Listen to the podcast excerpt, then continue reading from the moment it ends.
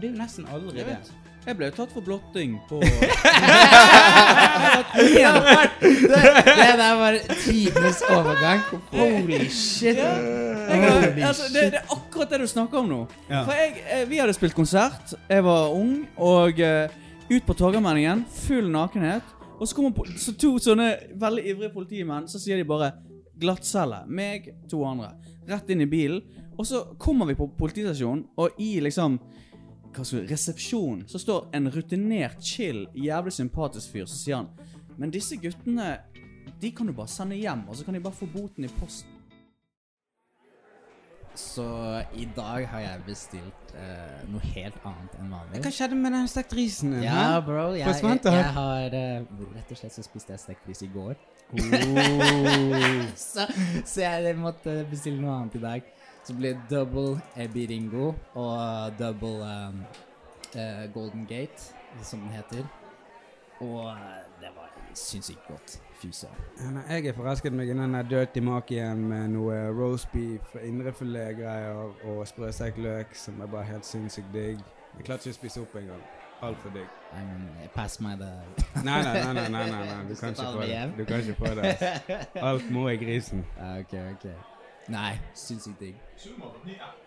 Ah, ja, Sumo har fått ny app. Uh, den er fortsatt nedlasta hvis du har lastet ned den gamle, så jeg tror de bare bytter den ut. Uh, jeg syns det som er veldig digg med den nye, da, er at når du scroller gjennom menyen, så kan du se bildene uten å måtte trykke inn på hver av rettene. Sinnssykt digg. Så da, da har du på en måte det visuelle rett ved siden av. Det er sykt nice. Veldig digg, veldig praktisk. Beste maten. Sumo shit. Hvis du er her for faglig input og kvalitet, så er ikke det sikkert at uh, Du er 10 av det for deg. Men vi gjør det nå bare for det. For det vi Folk vet ikke hva de trenger, men nå trenger de det.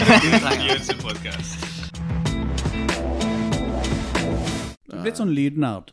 Jeg prøver å bli det. Du er det som er tingen. Jeg Du fokuserer liksom ikke på kunsten i det hele. Det er bare lyd. Forrige gang, jeg, Nei, men- forrige gang så hadde jeg litt sånn dårlig samvittighet, for jeg tøt så mye. Så måtte jeg tilbake og høre litt på den du gjorde ikke det. Sånn, jeg, jeg, når jeg gikk derfra, i hvert fall, så tenkte jeg sånn Å, nå er det skikkelig gøy. Å, vent litt. det gikk opp meg sånn, «Å, nå skjønner jeg hvorfor jeg hadde det så gøy. Så jeg måtte gå tilbake og høre på podkasten. Så hørte jeg min mikrofon Jeg snakker mye høyere. Vi må skru min litt lavere.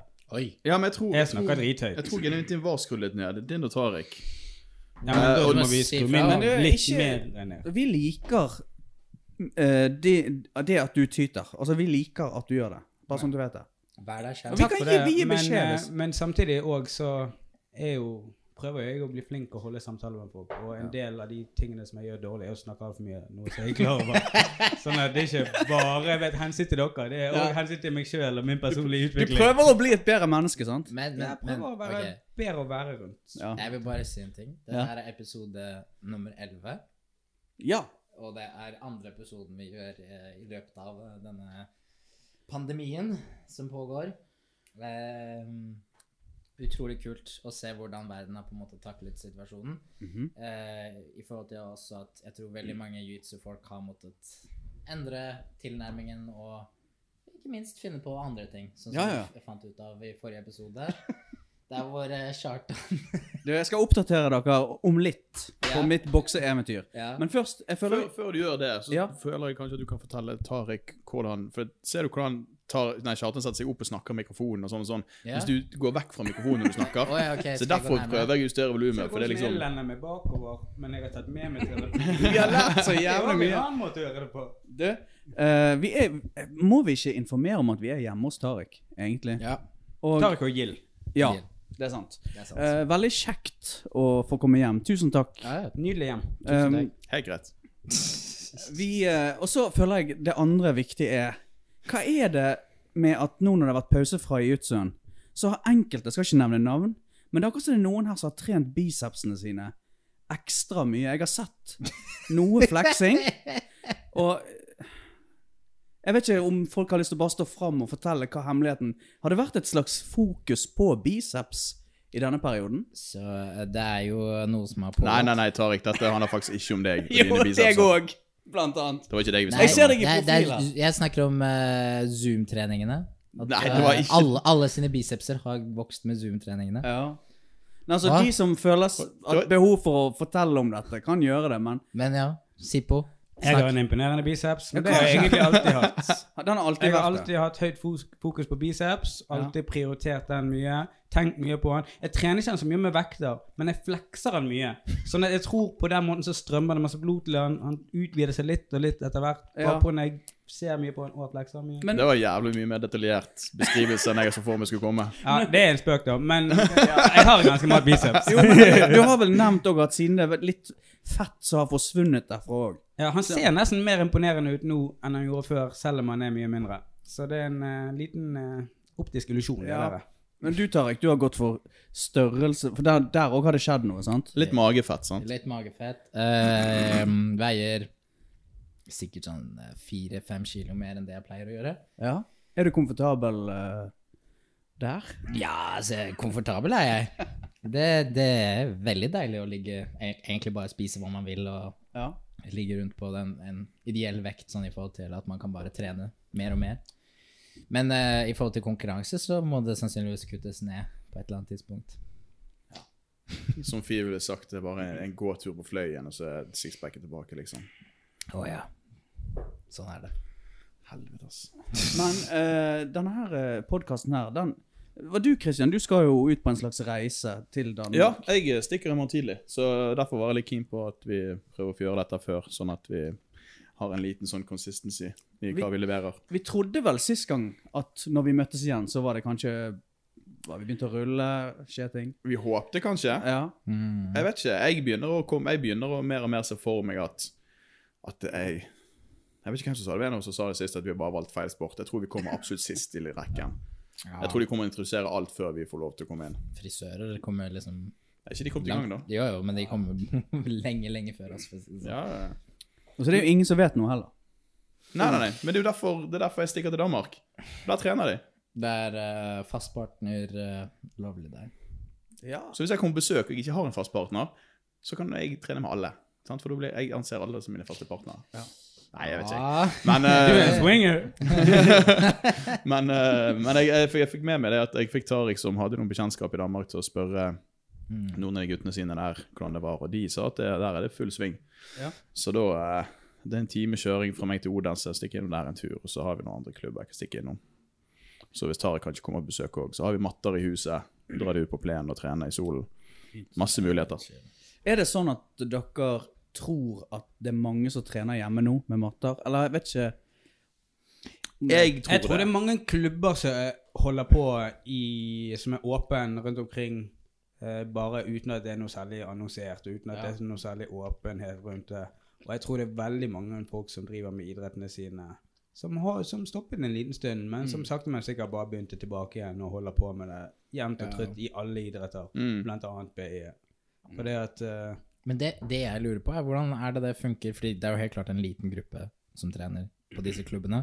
Men hvordan funker det i forhold til hele medlemsbasen deres, hvis de finner ut av det? Ja, nei, det er jo Det er jo uh, Altså de som betaler Ja, de som faktisk betaler Ja, ja. eh, leie. Det er jo en vanskelig ting å vurdere, men samtidig så er jo det på en måte alltid en ildsjelkjerne i de fleste klubber som på en måte Ja. holder på i mye større grad og har mye større på en måte tilkomst og tilgjengelighet til klubben uantenkt. Jeg tenker Vanligvis før korona så er det mange jeg trener med har nøkkel til klubben, som kan gå og trene når de vil og gjøre hva de vil. Og jeg bærer aldri nag til noen på det, fordi at de på en måte har en annen medlemsstatus enn det jeg har. Og det er jo rett og slett bare pga. så mye de trener, og så mye involvert de er i klubben. Og de strengt tatt på en måte bidrar nesten i en større grad til klubben òg. Så jeg føler at da får de en på en måte litt annen til eh, Ja, men kan Altså, det er jo lover og regler rundt det her, er det ikke det? Altså, jo, jo. Og, så eh, Det er vel retningslinjer, strengt Ja, tatt. ja, OK. Så det at Sånn som jeg ser på det. Jeg Vi snakker som ikke om at- Men som et kommersielt sted så tror jeg du kan få en bot hvis de Ja. catcher deg. Um, Ja, det, det kan godt være. Men det er jo nettopp det òg med, med på en måte kommersielt tilbud. Sant? Hvis jeg har en frisørsalong og jeg har et par kompiser jeg klipper, så er jo det på en litt annen greie enn hvis jeg åpner dørene og sier alle kan komme og klippe seg. sant? ja. mm. Så jeg tror på samme linje som at folk gikk og klippet kompisene sine, så tror jeg òg det er folk som trener rundt omkring på klubber. Ja. Nei, det er eh, spesielt sånn sett. Vi ser jo sånn som i Sverige, så er det noe helt annet. Men, men eh, det er Ja, de, de, det var, der var det en klubb som la ut en post som holdt på å ta livet av meg. hvor Det var sånn 'Å, endelig!' Sånn 13. juni eller et eller annet sånt. Så kan vi åpne gymmen og trene jitsu igjen. Da ble det sånn Dere har hatt pause i noen uker. Vi er på tre måneder nå. Det er vel noen av de som har vært åpne hele tiden, ikke? Eh, Ja, så det, der har de hatt litt friere tøyler, så jeg tror uh, mange har valgt selv å stenge bare fordi de føler at det er en del av, Mm. eller det er viktig.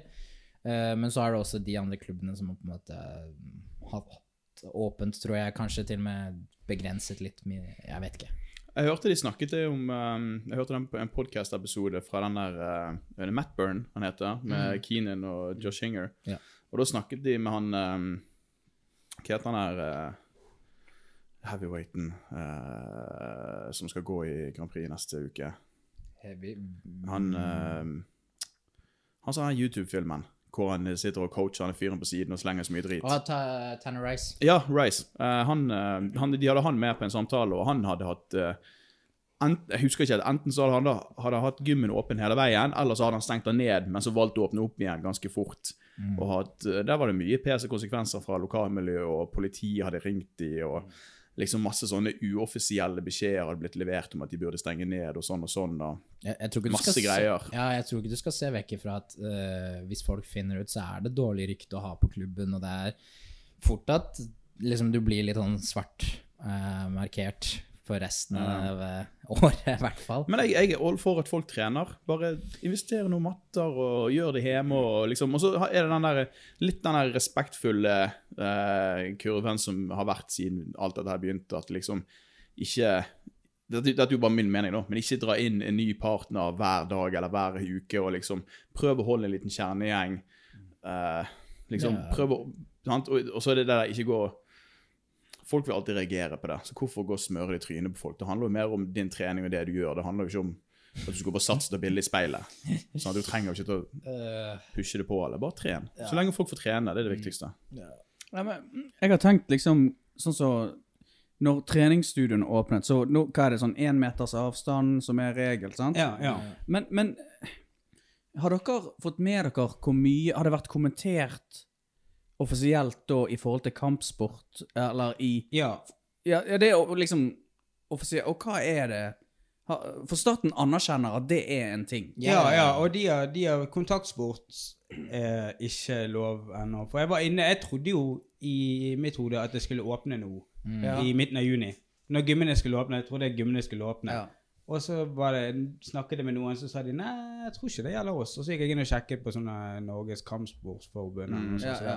Og da var det det at ingen, sånn, ingen kontakt eh, er lov. Vi må fortsatt eh, overholde énmetersregelen. Og eh, det er ikke lov å låne noe utstyret på en kampsportklubb. Så du, du kan ikke slå på boksesekk Nei, eller sant. eh, bruke klubben sine hansker. Eller det var mange ting som gjorde det. Mens det er jo mange sporter på en måte som, du, som har åpnet opp som thaiboksing og sånne ting. Men da er det mer skyggeboksing og litt Ja. sånn som du holder på hjemme. Ja. Men er det, er det Altså, hvis du spiller basket, håndball, en vanlig baskettrening, de, de kan ikke gjøre som de pleier heller, da, regner jeg med? Eh, De har vel mer kontakt i de øvre Eller det de har sagt, er at toppidrettsdivisjonen og, på en måte der, da, så skal de kunne De er, trene og nei, de har jo begynt å spille kamper igjen. ja. Ja, men ikke tippeligaen, ikke de i gang? De er i Jo, gang igjen. men, men Ja. sånn som uh, de lavere divisjonene, så er det tydeligvis fortsatt uh, den énmetersretningslinjen. Utenom ungdommene, de har fått lov å begynne vanlig Ja. de òg. Så, så 19 og under, de har eh, lov til kontaktsport. Nå er det synd at du er Ja. 20 år, Tariq. Ja, så, så, så på Frontline så er barne- og ungdomspartiet holder på? Ungdomspartiet Ja, det er men, men det er selvfølgelig retningslinjer der òg, i forhold til at de deles i eh, to grupper. Og så prøver de på en måte å holde så fast partner som mulig. sant? Så det er, det er på en måte eh, mest mulig Eller, ja. Kontrollere det på en eller annen måte. Ja. Nei, det er jo Det er jo Det er det som er så rart. For det at forrige gang når vi møttes, så var jeg på en måte positiv. Ja. Men så er det akkurat så det har sunket inn en eller annen merkelig Realismen. negativitet i meg. Og jeg vet da faen Jeg føler faktisk det er fordi at jeg ikke trener i jiu-jitsu. Ja, jeg, jeg, er, jeg er helt enig, og jeg tror litt av det har med kanskje sinnsstemningen i meg, at jeg Ja. må få ut noe greier, og at det er noe noe som mangler på når Ja. BI-en er vekke. Men en annen ting er òg at eh, i begynnelsen, når dette kom, så var jeg veldig innforstått med at dette her var viktig for oss å ta et lite uh, skippertak alle mann. Bare ligge vekk eh, så mye vi klarte, komme oss gjennom dette her sammen.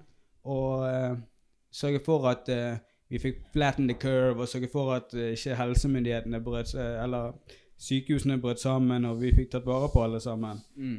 Men så virker det plutselig som at eh, jo lenger og lenger jeg kom inn i denne perioden, eh, så så jeg bare mer og mer at det var veldig, veldig stor splid i hvor mye folk brydde seg, og hvor mye folk tok hensyn. Ja. Og jeg måtte ikke gå lenger enn til Instagram-feeden min for å se at det var veldig mange som tok dette langt mindre alvorlig enn meg.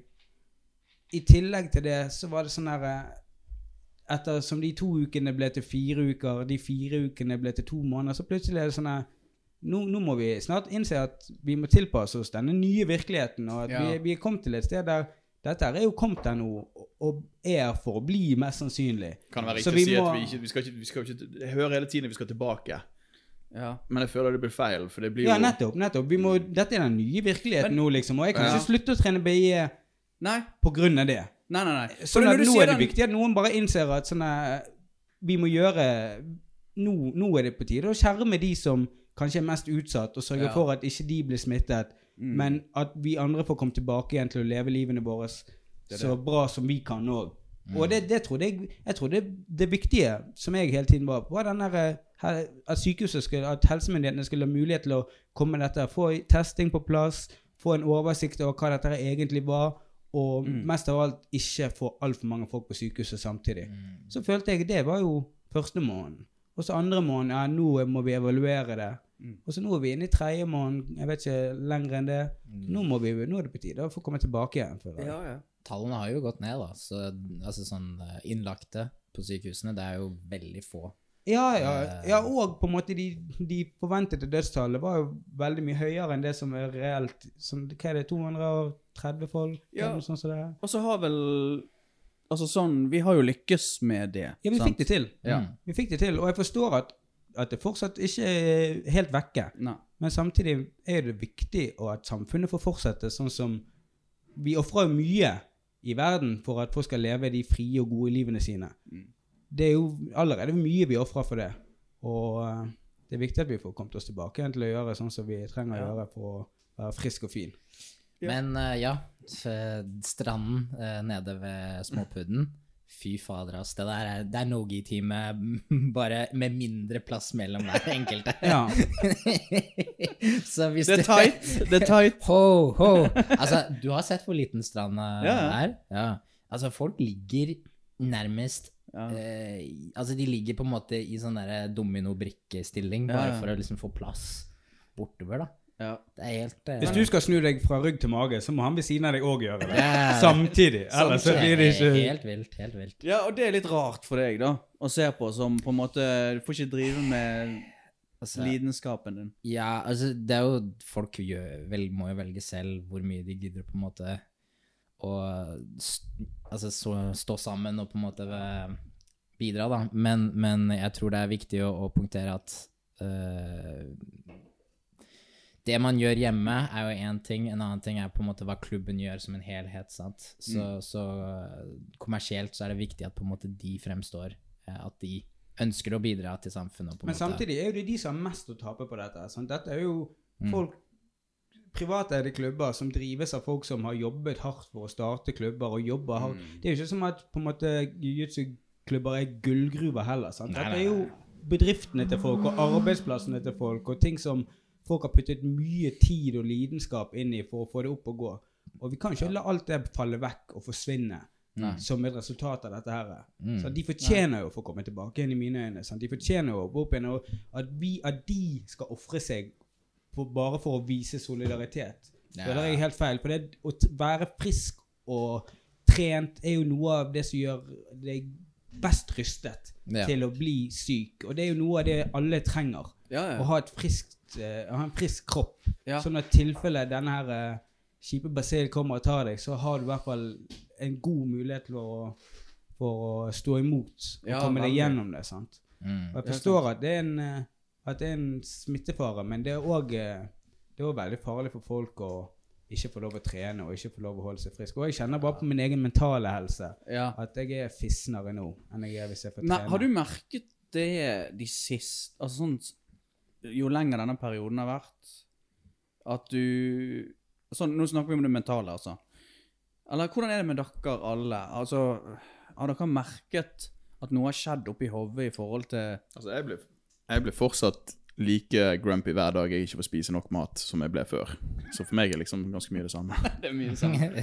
Nei, altså For jeg, jeg tenkte på det. Vi, vi har jo meldet litt bare sånn før vi skulle spille inn sånn om det var noe vi skulle diskutere. Og så Det slo meg Altså Jeg fikk en sånn vekker, for jeg møtte på en venn jeg ikke har sett på lenge. sant? Mm. Og så spør han jo meg sånn Ja, men du trener jo liksom det der eh, eh, grappling-opplegget. Hvordan går det? Og så skjønner jo han at nå er vi inne i den virusgreien. sant? Mm. Men det jeg forsto når jeg snakket med han, det var at eh, Hele min De siste årene, så hele min energi når jeg møter folk, har liksom jiu-jitsuen vært så stor del av det. Så hvis jeg blir kjent med nye mennesker, så går det veldig kort tid før jeg forteller om at jeg trener jiu-jitsu. Mm. Og når jeg treffer folk, så er det en stor del av meg. Jeg tuller med det. Jeg er liksom fysisk, og jeg liksom har liksom fått en sånn ting i livet mitt som Hvis du blir kjent med meg, så etter liksom ett minutt så har jeg mest sannsynlig nevnt det. Jeg spiller i band, og det gjør jeg. Og det er en jævlig stor del av det jeg er. Og det bare har jeg kjent nå at liksom Det er akkurat så Det bare fader vekk, på en måte. Ja. Og det er en utrolig rar følelse. Fordi at når du treffer folk, så slutter jeg å fortelle om det. At vi hilser på nye folk. 'Hvem er du?' 'Ja, nei, jeg er liksom far. Jeg er derfra. Sånn jeg jobber med det.' That's it, på en måte. Ja, og for meg så kom jiu-jitsuen inn i livet mitt, og så tok han og erstattet veldig mye ting etter hvert som Jo mer og mer jeg begynte å trene, jo færre og færre folk så jeg utenfor Mm. det, jo mer og mer plass tok det. Sånn at det var veldig mye av den tidligere identiteten min som ble erstattet av denne B-identiteten. Ja. Og så, eh, nå som den fader vekk, så er det akkurat som Jeg føler meg fortsatt som han kisen, men jeg er jo ikke det. For jeg trener jo aldri. Men kan, men kan den jitsu-identiteten stimuleres av andre ting enn å bare trene? Kan det liksom bli påvirket eller fylt opp av å liksom følge med på turneringer og se på YouTube og høre på podcaster og andre ting? Liksom, kan det hjelpe litt på, eller? Jeg, Jeg skjønner at det ikke er det samme. men det er akkurat som, akkurat som hvis du har spilt fotball hele tiden, og så fortsatt Nå kan jeg alle navnet på alle som spiller på Ja. Liverpool, men hvis du ikke spiller fotball lenger, så er du Ja. gått fra å være han fotballkisen til å bli han fotballsupporterkisen. ja. Så det er liksom Det, det er en eller annen legitimitet med at det, du på en måte er jevnt og trøtt og holder på med det hele tiden, som Ja. og ja, jeg føler, føler det har gitt meg en sånn eh, En utladning og en måte å være glad og smile Ja. på hele tiden, Mm. som litt òg forsvinner. Sånn at jeg Det blir litt mer sånn nå Jeg syter litt mer er sytete på ting og sånn her eh, og det er sånne ting som jeg har syntes var litt sånn irriterende med andre. Bare sånn, Du syter litt mye. altså, nå syter jeg litt Ja. mye. ja, men for det, det jeg har tenkt på, det, det er egentlig eh, Jeg tenkte egentlig å spørre deg, Tariq. For at du har jo kunnet spille inn videoer. Du har liksom gien på deg. Du jobber med YouTube-kanalen din. Ja. Så du, kjenner du på en måte at du fremdeles er litt i det? Ja, Uh, det går på en måte liksom ikke en dag uten at Nei. jeg tenker jiu-jitsu. Uh, men nå er jo sannheten at jeg har skrevet en bacheloroppgave om jiu-jitsu. Jeg har startet en YouTube-kanal om jiu-jitsu. Jeg har, uh, ikke sant hatt privattimer uh, online med folk, uh, med footage-analyse der jeg ser på kampene deres. På en måte, jeg har hele tiden uh, jobbet aktivt med det, da. så jeg føler ikke at på en måte den delen av min identitet går vekk Nei. sånn sett. Men det jeg føler, er at jeg har hatt en, har hatt en veldig annen type vekst i det løpet av den perioden. Jeg har hatt en litt annen tilnærming. Eh, mye av det jeg har gjort, har jo vært sånn som solo drills, eller sånn eh, basically mobilitet og koordinasjonstreninger på eh, frontline. Der vi har måttet begynne å liksom se for meg jiu-jitsu uten en partner da, og tenke ok, hva er relevant, hva er ikke relevant, eh, hva kan være gøy, hva kan være ikke, ikke? Du må bare få et helt annet syn på eh, på en måte trening og hva som kan passe for folk da, som er generelt interessert i jiu-jitsu. Eh, og det er jo selvfølgelig litt sånn rart, fordi folk kommer jo inn, og ingen, ingen har noen store forventninger, men det er jo litt sånn, ok, det er ikke det samme. Så det, hvordan håndterer du de? Prate hyggelig, prøve å liksom gjøre det til noe spesielt fortsatt, sant? Så um, jeg, jeg føler i hvert fall at for min del så har jeg hatt en ganske stor vekst gjennom det, da. Og, og eh, for min egen del så har jeg på en måte liksom sett ok, det fins flere vinklinger til det her enn bare det det har vært før, da. Ja. Du, du er tilfredsstilt på eh, en eller annen måte, da. Ja, det kan jeg si. Ja. Men det er, jeg tror Det det er jo ikke litt sånn med deg òg, Christian, egentlig. Jo. At du har jo Jeg, jeg har jo gjennom Tariq, da, eh, i hvert fall i forhold til dette med nettsider og YouTube og sånn, så har jeg liksom omtrent hele tiden hatt liksom fingrene i et eller annet, eller jobbet med et eller annet, eller sett på et eller annet, eller planlagt et eller annet. Så det er litt derfor jeg spør òg, fordi jeg, jeg føler i hvert fall det er litt sånn Det er et eller annet som skjer med jiu-jitsu hver eneste dag, for min del. Om ikke det er faktisk trening akkurat nå, så er det i hvert fall et eller annet som gjør, gjør at hodet mitt går aktivt rundt det å ehm, ja, analysere teknikker. For det er sånn, Hvis jeg redigerer filmer, og sånn, så underbevisst så analyserer jeg teknikker. da. Jeg ser på ting og grep underveis og liksom tenker, tenker Selv om jeg ikke går inn for å analysere det, så ser jeg veldig mye på sånn Det brytes ned i hodet mitt, og jeg er veldig på det. Så jeg, for min del, jeg, jeg føler jeg er jeg er ikke så utrolig fysisk aktiv med trening, men jeg, allikevel så føler jeg meg veldig mye inne i jitsu-hverdagen. Ja. Eh, men ja, så jeg, jeg, jeg, tror Men jeg tror også folk tar det, kan, kan ta det veldig forskjellig. Den Folk trenger forskjellige ting. Ja. Kanskje noen trenger den fysiske kontakten hver eneste dag. og ja. altså, Men Og jeg, jeg, jeg er òg godt for å være sånn der eh, En voksen mann som levde et litt sånn ungdommelig liv og løp rundt og var med alle vennene mine og gjorde masse gøye til, til å bli en familiefar med tre barn. Og de eneste på en måte pausene jeg har fra enten jobb eller familie, er når jeg går og gjør Mm. ting med vennene mine. Yes. Og det er alltid enten på en måte trene BJJ eller klatre eller gjøre noe sånn aktivt. For jeg, blir, jeg, jeg går aldri og henger med noen og sitter og, og gjør ingenting. Sant? Det er alltid bundet opp mot en eller annen fysisk aktivitet. Og når det er helt forsvunnet, så har på en måte all på en måte nærheten eller på en måte de eh, utenfor familietingene mine har bare forsvunnet med det samme. Og BI-en har jo på en måte vært hovedtingen jeg har gjort utenom. Mm. Så når det forsvinner, så er det sånn her eh, Jeg ser jo på YouTube-videoer og hører på noen intervjuer her og der, men Ja. det er ingenting av det der eh, som på en måte kan fylle det der rommet. Som Nei. å gå og treffe vennene sine og bære med vennene sine og, og trene sammen Mm. kan fylle. Ja, jeg, jeg, det kan være jeg har vært litt slem når jeg har sagt det, men jeg har liksom sagt et par av de der som jeg spiller i band med, da. Mm. At liksom Jeg føler at jeg er liksom bare sånn som dere nå. Nå er jeg bare jeg, men, jeg føler jeg er bare en sånn der musiker-dude. Eh, mens før så var det akkurat som jeg hadde liksom det der Denne hemmelige flammen inni meg. Hemmelig. Som holder på Den der Ja, noe sånn helt Bare sånn Jeg liker ikke bare å være en sånn vanlig dude. Nei. Jeg syns du fortsatt har flammen, jeg. Jo, men, ja, men du har jo en liten annen karriere på gang. Tenker du på bokseeventyret? ja, ja. Ja. Der kan jeg oppdatere dere. Altså, jeg fikk jo et lite lynkurs av Sipo etter forrige gang. Og det har egentlig gjort alt bare enda verre, for jeg bare skjønner hvor sinnssyk Altså, for det første, jeg er for gammel til å lære dette nå. sant? Nei, det er du ikke. Men det er så Vi snakket om det. Altså, det er så utrolig vanskelig. Mm. Men du blir så opphengt i at det er vanskelig, og når du blir litt grann sliten, så er det nesten umulig å gjøre det skikkelig, altså.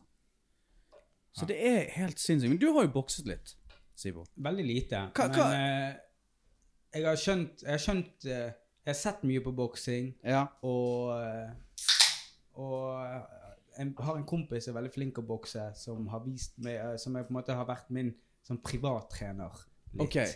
Eh, og han er veldig flink. Sparret du, da? Ja. Ja. ja. Og, og han var sånn her eh, kis som jeg typisk alltid hadde sett for meg at jeg kunne filledabbe helt til første gangen han viste meg viste meg Første boksetrening vi var sammen, så ble jeg helt tydelig sånn Hva faen? Og da, jeg tror han var første vennen min. Så det er jo mange venner av meg som er større av meg og sterkere enn meg, men han er første vennen min da jeg bare innså bare sånn Faen, du kan banke meg, du. Ja. og da, da Han kunne bokse. ja, ja, han er flink å bokse. Ja. Men uh, uh, Men eh, ja. Og da lærte du altså, Men, men du, du pirket på liksom de her basic tingene, sant? Du, du drev og liksom Nei, det Ja. Eller For det, det virker som om det er På en måte er det litt sånn som i jutsu, men altså, altså, du kan liksom terpe så jævlig på sånne Sånne ting som ser så enkelt ut. ja. Ja, Det er veldig veldig lett å slå, men det er veldig veldig vanskelig å slå riktig. Det er Men så er det veldig mange gode proffer som slår feil, og likevel Ja. Som Deontay Wilder på en måte er ikke noe flink å bokse, men hvis Nei. han treffer deg en gang, så besvimer du. Sånn at Ja. det er jo mange måter å gjøre det på, selv, ja, selv på det høyeste nivået. det er jo sant. Men jeg føler hvis du er liksom sånn som meg, som eh, er liksom i slutten av 30-årene, ikke 40 ennå, så er det noe med at du Det blir jo et poeng å prøve å klare å gjøre en jab bra. ja. Sant? Men det er jo helt sykt vanskelig. Ja. Men jeg føler det er akkurat samme som hvis du skal lære deg, eh, lære deg en armbar. Så, så i begynnelsen, så hvis, du lærer, hvis jeg lærer deg en armbar, så i begynnelsen så sier jeg til deg sånne akkurat de tingene du skal gjøre. Mm. Og så når du endelig får det til, så begynner noen å si sånn OK, greit, men du må få hoften litt høyere, og du må få bedre vinkel. Ja. Og så får du det til. Og så er det noen som sier sånn ja, du kan hoppe over det er trinn to og tre. Det kan du slå sammen til å bli ett trinn. Og så, så det liksom Du Ja. kan gjøre det riktig, og så kan du gjøre det feil samtidig, på en måte. Sant? Det er jo så mange nivåer og så mange levels, og på en måte Du trenger ikke å, å gjøre det som en svartbelte første gang du gjør det. sant? Nei, nei, nei. Først må du lære det som en hvitbelte, så må du lære det om igjen som en blåbelte, så må du lære det om igjen som et lillabelte. på en måte. Jeg, Sånn at du må jo liksom lære det først, lære masse forskjellige ting, og så kan du lære det en gang til, bare mye bedre. Ja. så du trenger at liksom ikke å naile det med en gang. det er litt som en tegning. Du må, du må få grovskissen først, Ja. sant? og forstå hva det er, og så kan du på en måte finpusse detaljene. Og dette med tegning, det kan du. Ja. Det lærte vi i dag. masse nakne mennesker opp igjen. Bare si hvis dere vil ha bestillingsverk. Jeg vet ikke hvor det kom ut av det blå i dag. Så Ja. det var sånn, ja, jeg er kun- på kunstskole, jeg. Tarek har jo kunst på veggen her. Jeg kunst på veggen her. Og så Kjartan kom med en dyp hemmelighet om at han har gått på kunstskolen og tegnet mannerumper i to uker. Over lengre tid. Men uansett, da. Det, det, uh, det, er, ja, men det som er fascinerende, er jo uh, at hvordan kanskje, kanskje det kommer fra Yutsund, da. At hvis Sipo viser meg Ja, men en jab er jo liksom Gjør det og gjør det. Hvor besatt man kan bli av at man ikke får det til. Skjønner du? Ja. Er det er veldig rart òg, med alle ting du skal lære deg nå, så innser du veldig fort hvor dårlig du er til det. Ja. Mens før jeg lærte meg jiu-jitsu, så trodde jeg at jeg var flinkere enn det jeg var i veldig mye mer. Så jeg har nesten skjønt Det, det er en ting jeg skjønte med Etter jeg har lært jiu-jitsu, Ja. Så har jeg skjønt at de, alle andre ting jeg ikke kan, det er jeg en hvitbelte i. Det er ikke som at jeg bare sånn 'Å, jeg er, jeg er flink i dette her.' Nei, nei, du er hvitbelte. Helt til du øver masse, masse, masse. Så kan du bli blåbelte i deg. Ja. ja, for det er sånn Det er jo flere folk jeg kjenner som har sagt til meg før jeg visste hva liksom de ulike slagene i boksing var. Så har de sagt at ja, jeg trener litt på boksesekk. på liksom, De går liksom på en og løfter litt vekter og løper, og så slår de litt på bokse. Så jeg tenker sånn Å ja, men da kan jo du sikkert slå. Og så Nå skjønner jeg at de er jo De er totalt ute. Jeg, jeg, jeg har bokset litt, men jeg er flau for å gjøre det på gymmen. Bare på grunn av jeg har sett hvor sinnssykt dum de ser ut for meg. Ja. Så tenker jeg, hvis jeg gjør det, og så står det en som er skikkelig god å bokse, så kommer jeg til å se sånn ut for han. Så jeg tør ikke gjøre det der engang. Men altså, fit, sånn uh, fitnessboksing Ja. er, er, er vel lov å kalle det, sant? Det, Ja. hvor, det handler egentlig bare om å slå Ja, hurtig og masse, og ingen teknikk. Nei, men, men det er en eh, Det er jo iallfall én ting som Sikkert mange har blitt tvunget til å bare prøve noe annet. da. Men det, er det man spør dere om. Sånn her hjemmetrening alene. Hva er liksom, Du har gjort det litt. Dere har jo hatt kanskje litt partner og sånn, men Inspirasjon? Kjører, kjører dere på musikk? Ser dere på noe for å liksom holde ut det, det, liksom, Altså, jeg var med på én av Tariq sine Zoom sessions gjennom hele den koronaperioden her. Og det var mens Tariq gjorde burpee og sånne ting, så satt jeg og spiste kake og drakk korona. Ko Nei, var ikke Tequila? Var det det? Jo, jo, jo. Du, Husker det du, jeg Jeg ble faktisk ganske det- fucked up av den lille Ja, tiden. ja, det er det jeg sier. Det var Tabata. Så, så hver gang han kisen sa go, så skulle dere shotte. Ja, vi hadde sånn her, vi fikk en idé om at øh, Hva var det? Jeg tror vi skulle, vi skulle Jeg husker ikke hva det var, men vi tok frem en eller annen flaske med et eller annet. Og så um, liksom, Ja, vi gjør, en le, vi gjør det til en lek, og så har, hører de på den tabben av musikken. Sant? En sånn liste der, og så sier jo han fyren på musikken sånn Go! Stop! Eller whatever. Sant? Så blir det, hver gang han starter en runde, sier go, så tar vi stein, saks, papir, taper og tar en shot. Ja, ok. Det var en jævlig dårlig idé. For, Men òg litt gøy. ja, men vi klarte bare sånn to-tre runder, og så bare Den flasken har jo gått tom på ti minutter. Altså, er poenget er at det, du har jo åtte runder på hver øvelse, og så sier vi har åtte øvelser, sant? Ja. Så hvis, han, hvis de skal ta åtte shots ganger åtte, det Ha det bra. Men, men for det som, det som jeg tenker på, er hvis du står alene i en stue, ja. og så bare tenker du sånn Ok, jeg kan ikke gå noe sted og grapple med noen, men jeg har lyst til å bare slite meg sjøl ut. Og jeg har så, skrevet så mange sånne A4-ark. Men liksom litt det, litt det, følger den YouTube-videoen, gjør sånn. Men likevel, jeg, jeg er på en måte sliten etterpå. Men jeg er ikke øh, Og det er det sikkert mange som ikke er. At du ikke er så god å pushe deg sjøl som Mm. andre ville vært. Jeg tror altså i, Litt det som hjalp meg, i hvert fall, med å gidde å fullføre treningene, var jo at jeg nettopp forpliktet meg opp med at jeg hadde de Zoom-øktene, sant? Ja, ja, sant? Men, men eh, jeg tror også det som kan hjelpe, er å ha en sånn timer, eh, og rett og slett prøve å slå rekorden sin på visse ting, for eksempel. Så eh, en ting kan være at du skal gjøre 20 pushups, 20 situps, 20, ikke sant, sånn, sånn, sånn, og så er det på en måte én runde, sant? Og så skal du gjøre disse rundene her flere ganger, og så har du en viss pause mellom disse rundene. Så eh, det, hele det er en workout, men så er på en måte målet å klare workouten på kortest mulig tid. Sant? Så det kan være et mål. Uh, det kommer litt an på hva man ønsker, om man ønsker å ha styrke, eller om man ønsker å ha mer sånn bevegelighet og mer, mer um, for eksempel uh, jiu-jitsu-ting som sit-outs, eller sånne ting som på en måte er mer ja, jiu-jitsu, da. Uh, så, men det også kan være slitsomt, sant? Så det trenger ikke å være Jeg føler man jakter jo på den der å liksom bare få en økt så du er helt kokt etterpå. liksom. Jeg kan ikke koke meg sjøl. Jeg kan ikke. Det Jeg har ikke, jeg har ikke den stemmen bak i hodet som pusher meg, eller som går videre. Jeg, jeg, jeg får ikke til å komme til det punktet. inne, Jeg, jeg kommer maks til 75 av BI er kokt. Maks. Følger du noen? Ser du på en skjerm? Altså, jeg har prøvd sikkert åtte forskjellige ting Ja. i denne perioden. Jeg har aldri funnet én ting jeg har klart å være steady på. Det har vært umulig for meg å være steady på noen av tingene. Så jeg har prøvd det ene, prøvd det andre.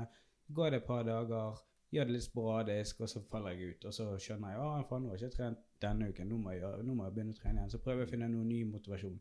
Jeg har vært gjennom en haug med forskjellige ting. Ingenting biter fast.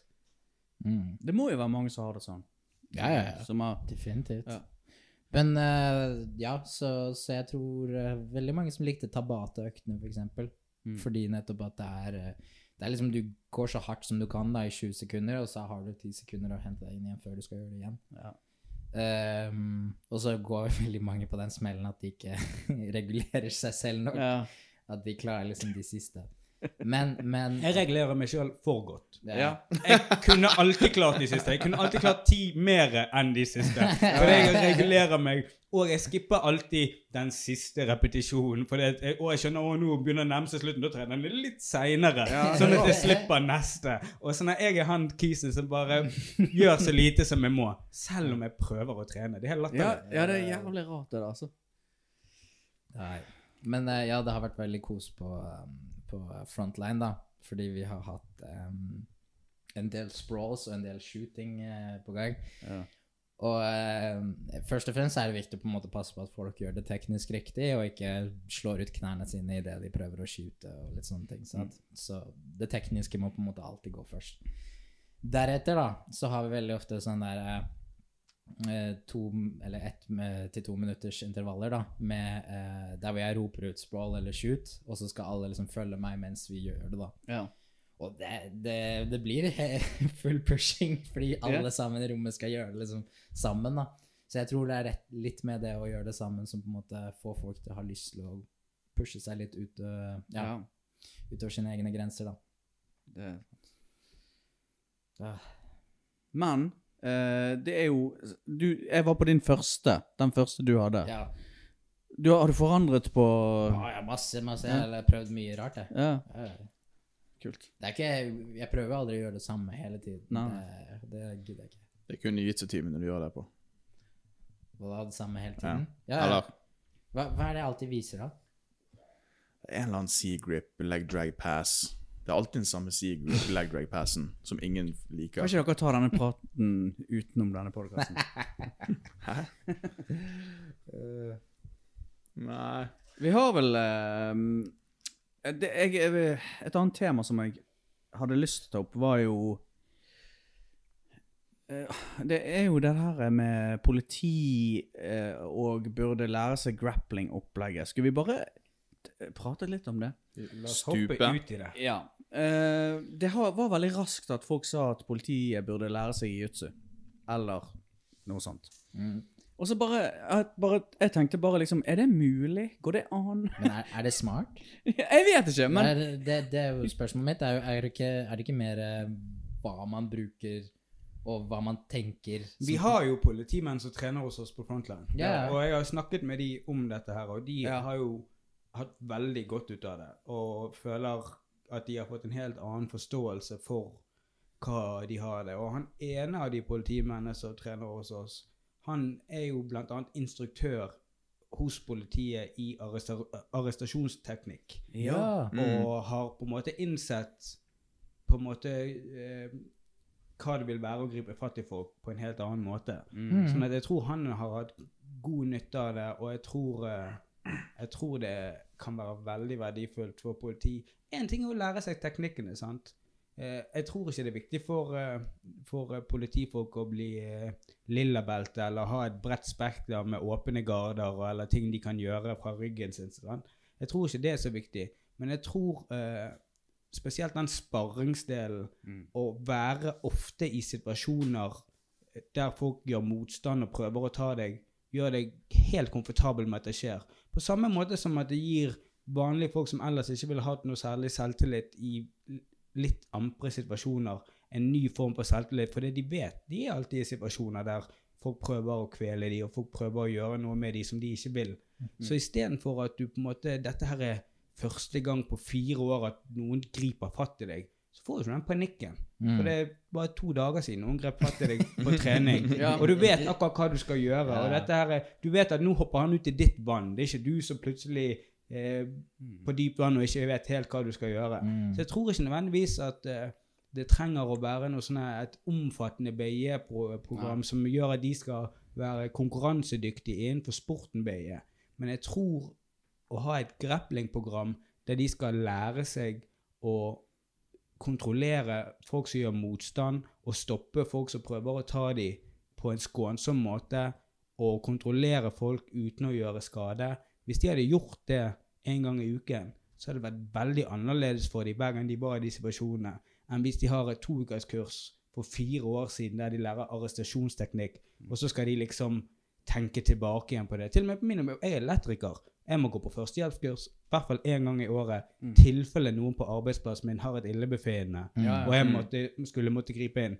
Det er liksom Som elektriker Hvis jeg skal gå rundt i gatene og patruljere, er jo sjansen ganske stor for at det skjer et eller annet. Mm. Og da burde jeg være ganske kyndig i de situasjonene når de situasjonene oppstår. Jeg burde ha en selvtillit og en kunnskap i meg som gjør at jeg ikke får panikk i den situasjonen og eskalerer den situasjonen eller gjør noe som jeg ikke burde gjøre i den situasjonen. Men tror du det her kan også hjelpe uh, politiet, eller politiarbeidere da, til å forstå hva de gjør med den andre personen òg, og så forstå rett og slett skaden de Jeg tror nettopp denne her George Floyd-greien som skjedde, uh, med en key som holder kneet sitt på nakken til en kar i ni minutter, Det er bare å ta én trening med Vinni. Det er første treningen han satte kneet sitt på nakken min. Så skjønte jeg hvor by det var. At det der er ikke noe situasjon du vil være i.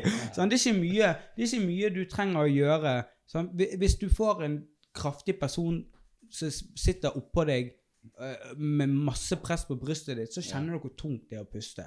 Og da skjønner du panikken som kommer i meg. Og hvis jeg vil at du skal være rolig og, og på en måte gi deg hen til situasjonen og ikke gjøre motstand, så kanskje jeg putter maks press på ryggen din, som kommer til å skape en panikk og en angst i deg fordi du ikke får puste og du føler du må komme deg vekk fra den situasjonen. Det er ikke en måte å roe ned situasjonen på. Det er en måte å eskalere situasjonen. For jeg har ikke noe annet valg enn å kjempe meg fri fra den forferdelige situasjonen jeg er i. Ja, ja. Og hvis jeg på en måte vrir hånden din bak på ryggen for å sette på håndjernet Hvis jeg tar den rolig bak på en måte og i en vinkel som gjør at du er komfortabel og er fri, på en måte kan slappe av nok at jeg får sitte på håndjernet, enn hvis jeg vrir hånden din helt opp så du føler du holder på å vri av deg skulderen og blir skadet i en skikkelig kimura. Det er to vidt forskjellige posisjoner. Og hvis du hadde vært med på at noen gjorde det mot deg, Så og hvis de andre politibetjentene som skulle øve på denne arrestasjonsteknikken, gjorde det på deg jevnt og trutt, så hadde du sagt fra til dem au, stopp der, stopp der. Så hadde de visst hvor de grensene var. Så hadde de visst at kanskje han der eh, Jens-kollegaen din på 46 år har en helt annen skulderfleksitet eller mobilitet i skuldrene enn hun Nina på 21 år som er godt trent og har veldig myke. Sant? Så har du forstått på en måte hvor annerledes folk er, og hva toleranse folk har, og hvor mye, hvordan dette her er å være i ubehagelige situasjoner sammen.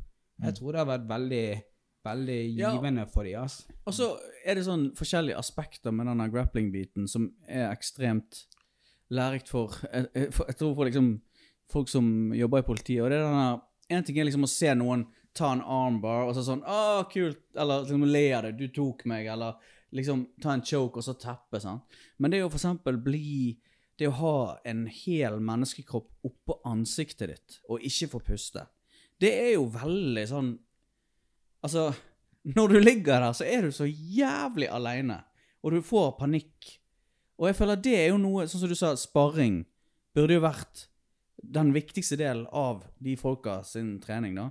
Og det, det er jo noe som vi bare tar som en selvfølge, at vi har jo folk oppå trynet vårt hele tiden. Ja. Men det der er jo Men noe ser- oh, beklager. Nei.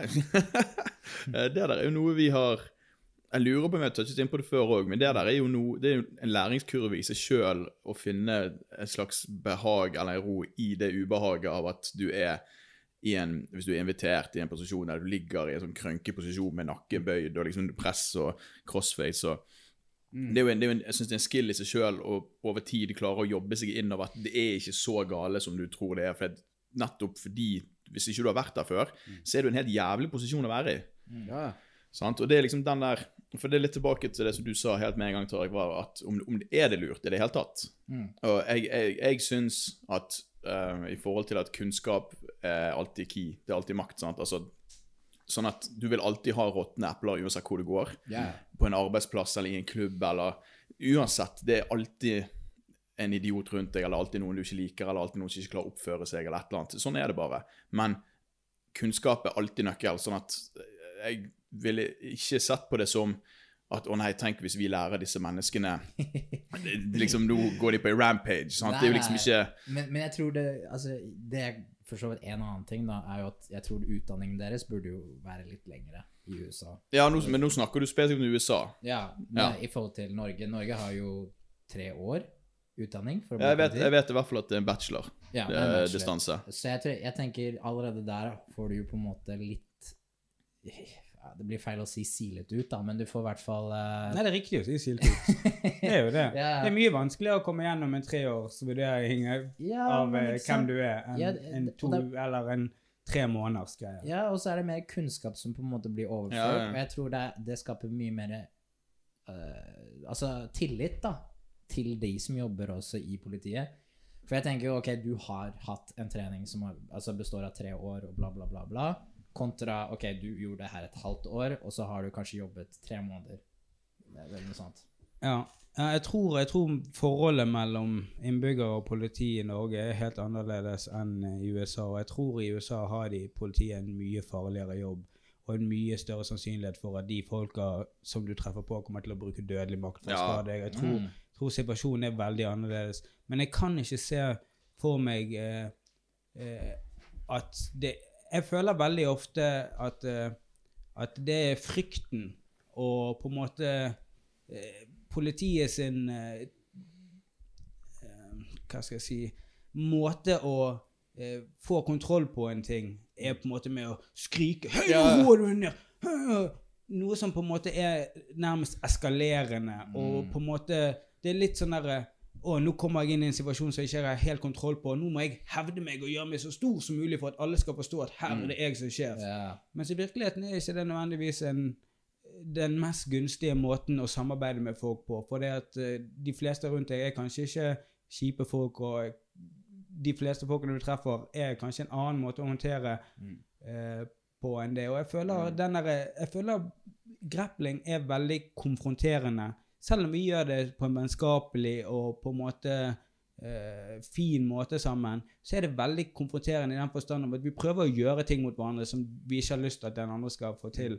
Og i begynnelsen så er jo det veldig vanskelig. Hvitbelter speser jo og gjør veldig mye ting som er irrasjonelt, og som er til fare for folk. Og etter hvert som du blir flinkere og flinkere, så blir du òg flinkere å gjøre mindre kjipe ting mot folk som ikke er flinke. Mm. Så du blir mye flinkere å bruke minst mulig makt for å kontrollere folk som gjør motstand. Og jo mer, jo mer på en måte kunnskap og eh, komfort du har rundt deg, jo mildere og mykere kan du være. Så det er mye lettere for meg å ikke skade en helt ny person enn for en annen ny person til å ikke skade en annen ny person. Fordi at jeg har de tingene. Så Derfor føler jeg at det hadde vært så verdifullt for politiet å ha et godt grep om eh, hvordan det er å være i disse versjonene.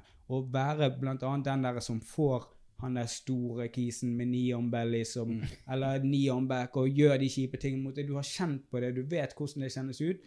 Og å være den personen som på en måte kan gjøre det mot noen, se fjeset deres, og så bestemmer de for å ikke gjøre det neste gang. For det, det er en enklere og bedre måte å gjøre det på uten at det er så kjipt. Mm.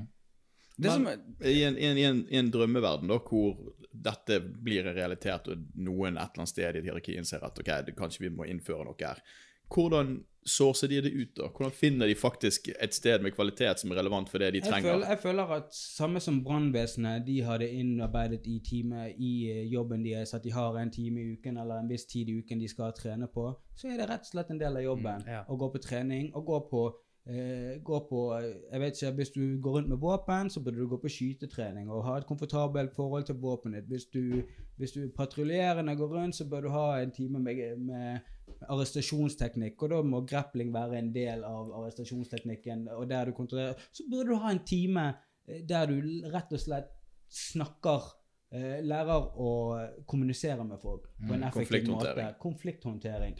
Og det burde være en innarbeidet greie som er alltid gående, gjennomgående gjennom hele året. Så må det da være en greie som kommer og går, kommer og går hele Ja. tiden. Det kan ikke være sånn et kurs du går på en gang, og så skal det liksom være lært. Mm. Jeg tenker på um, jeg, eh, Vi har jo uh, Skal vi se Husker du denne Instagram-filmen jeg viste deg for lenge siden med han eh, svære, sterke fyren som kveler ut hun er damen? Hun er reporteren, og så driver hun og dytter haken oh, ja, ned i ja, armen på ja, han, og au, au, au. Og, liksom, hvordan unngår man det? Hvordan unngår man Ja. da at det plutselig de såser ut, og vi trenger Kunne han jutsu, eller var han bare Nei, ok, så det her er La meg bare forklare videoen. Men bare sånn før du forklarer. Oh, ja. eh, Poenget mitt er hvordan unngår vi at det kommer feile folk inn og underviser? Mm, nei, jeg, jeg er helt enig, uh, og, og det er sikkert en fare for det. Uh, men i denne her videoen så er det en uh, litt større mann som på en måte går bak denne kvinnen. Han er ikke litt større, han er diger. Ja, ok, han er diger, da. Og så setter han på en rare naked choke. sant? For å vise For å vise hvordan hun skal forsvare seg mot rare naked choken. Mm.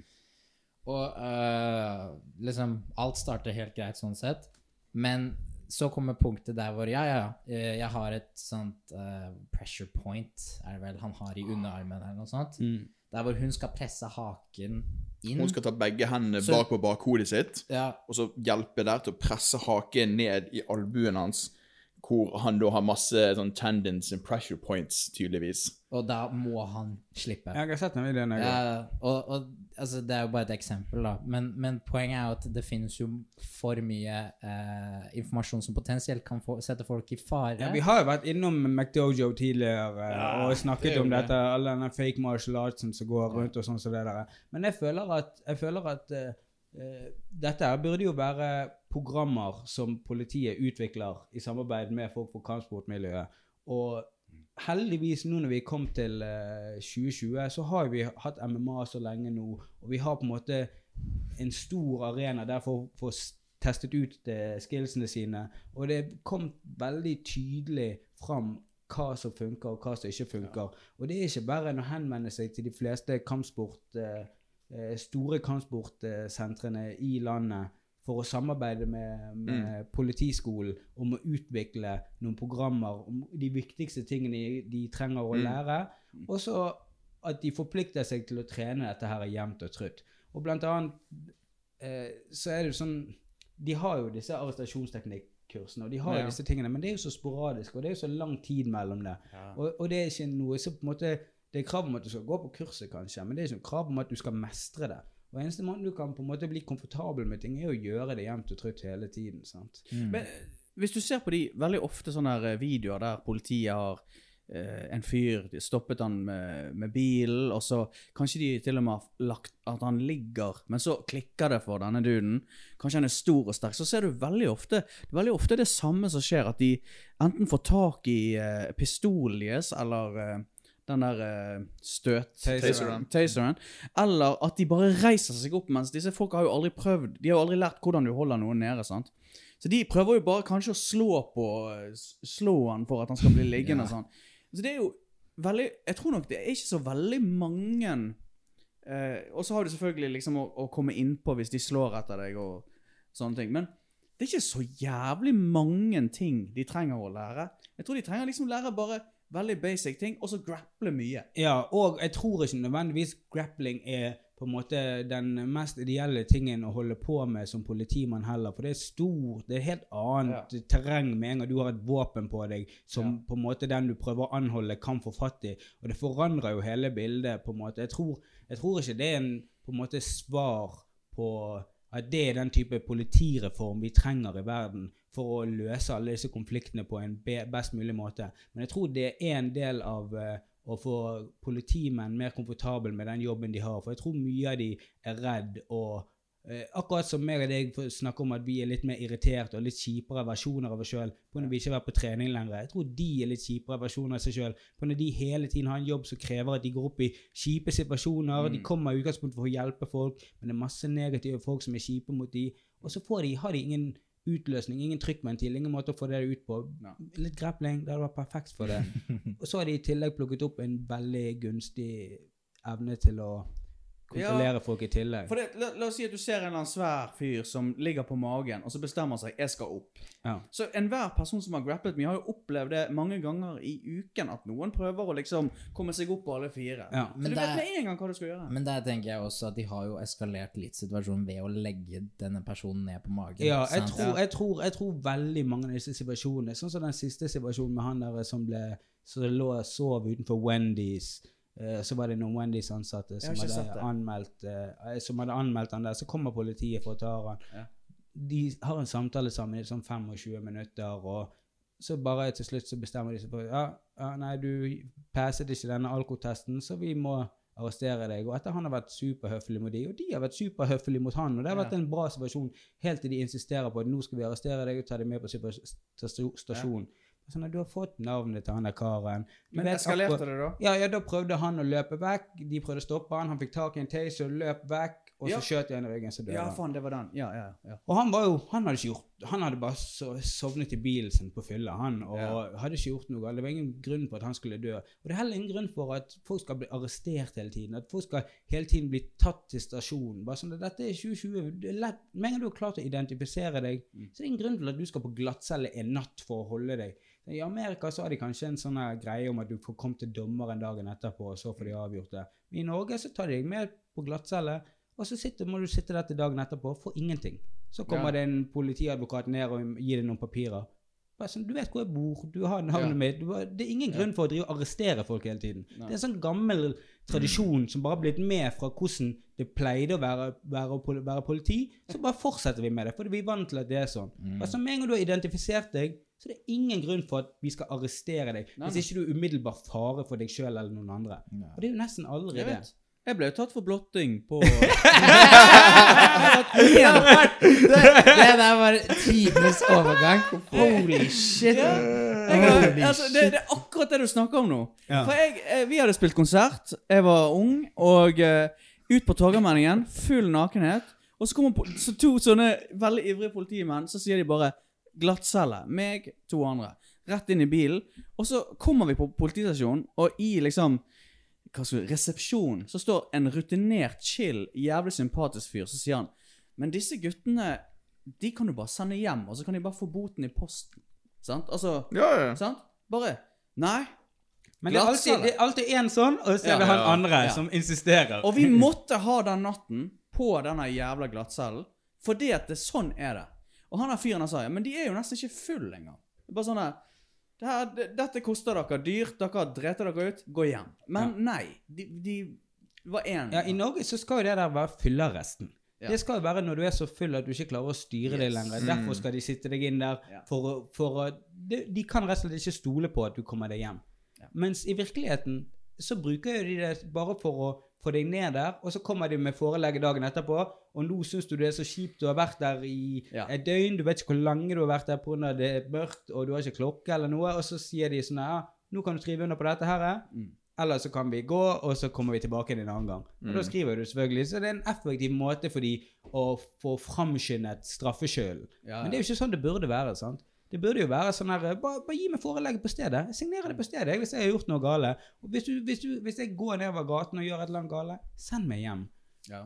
Og så ta det, ta det i ettertid. Det er ingen grunn for den der eh, Altså, med- arrestasjonen. Det, alle de konfliktene skjer i arrestasjon. Ja. I situasjoner der ingen hadde egentlig trengt å bli arrestert. Hva heter eh, negotiation holdt jeg på å si på norsk? Forhandlinger. Forhandling, ja, forhandlingsteknikk, det er legit. Det Ja. er legit. Altså, jeg tror alle kunne ha hatt godt av å Men det er jo det som er konflikthåndtering. Ja, men det er jo litt det der i forhold til øh, På en måte, ok, hva er det som føles krenkende hos personen? sant? Du må, Mm. du må vite at ok, ved at jeg spør en person Nei, du må legge deg på magen for at jeg skal arrestere deg. Så allerede har jeg gått forbi sånn 15 grenser for denne Ja. personen. sant? Så det, er jo ikke, det skal på en måte ikke så mye mer for at en person går full eh, tantrum og på en måte kaster seg og prøver å komme seg unna. Ja. Så jeg tenker Én er jo selvfølgelig sånn som Sipo sier, er det nødvendig? Er det, trenger vi å arrestere han og ta han med? En annen ting er jo hvorvidt Ok, hvor går grensene på at dette mennesket uh, føler seg krenket og føler at de må gjøre noe, og Ja. der, dermed utagerer? Men det der er jo Det er jo Det der er en veldig vanskelig balanse, fordi jeg har jobbet i utelivet altfor lenge og har jobbet med eh, daglig drift av utesteder og jobbet med eh, ledelse av vakthold på ut, masse masse utesteder i Bergen. Og eh, dette er en sånn samtale som jeg har hatt med en av de politiguttene som må trener hos oss. For jeg, jeg syns det er interessant å høre hva, liksom, med mitt innsyn og hva de har å si til det, på en måte, om det er bare jeg som er på hver tur, eller Uh, og der har det vært masse sånne rare situasjoner. For det, det er litt sånn som du sier med han på politistasjonen som tok dere imot. Og litt sånn 'kom igjen, gutter'. Sant? De har drept seg ut, og de må svi for det, men det er ingen grunn til å Altså, de er ikke fare for noen eller seg sjøl, sant. Eh, det, det er ikke en eskalerende situasjon. Uh, og jeg, i min personlige mening, så har det 100% å si hvilken politimann du møter, og hvilken dag han har.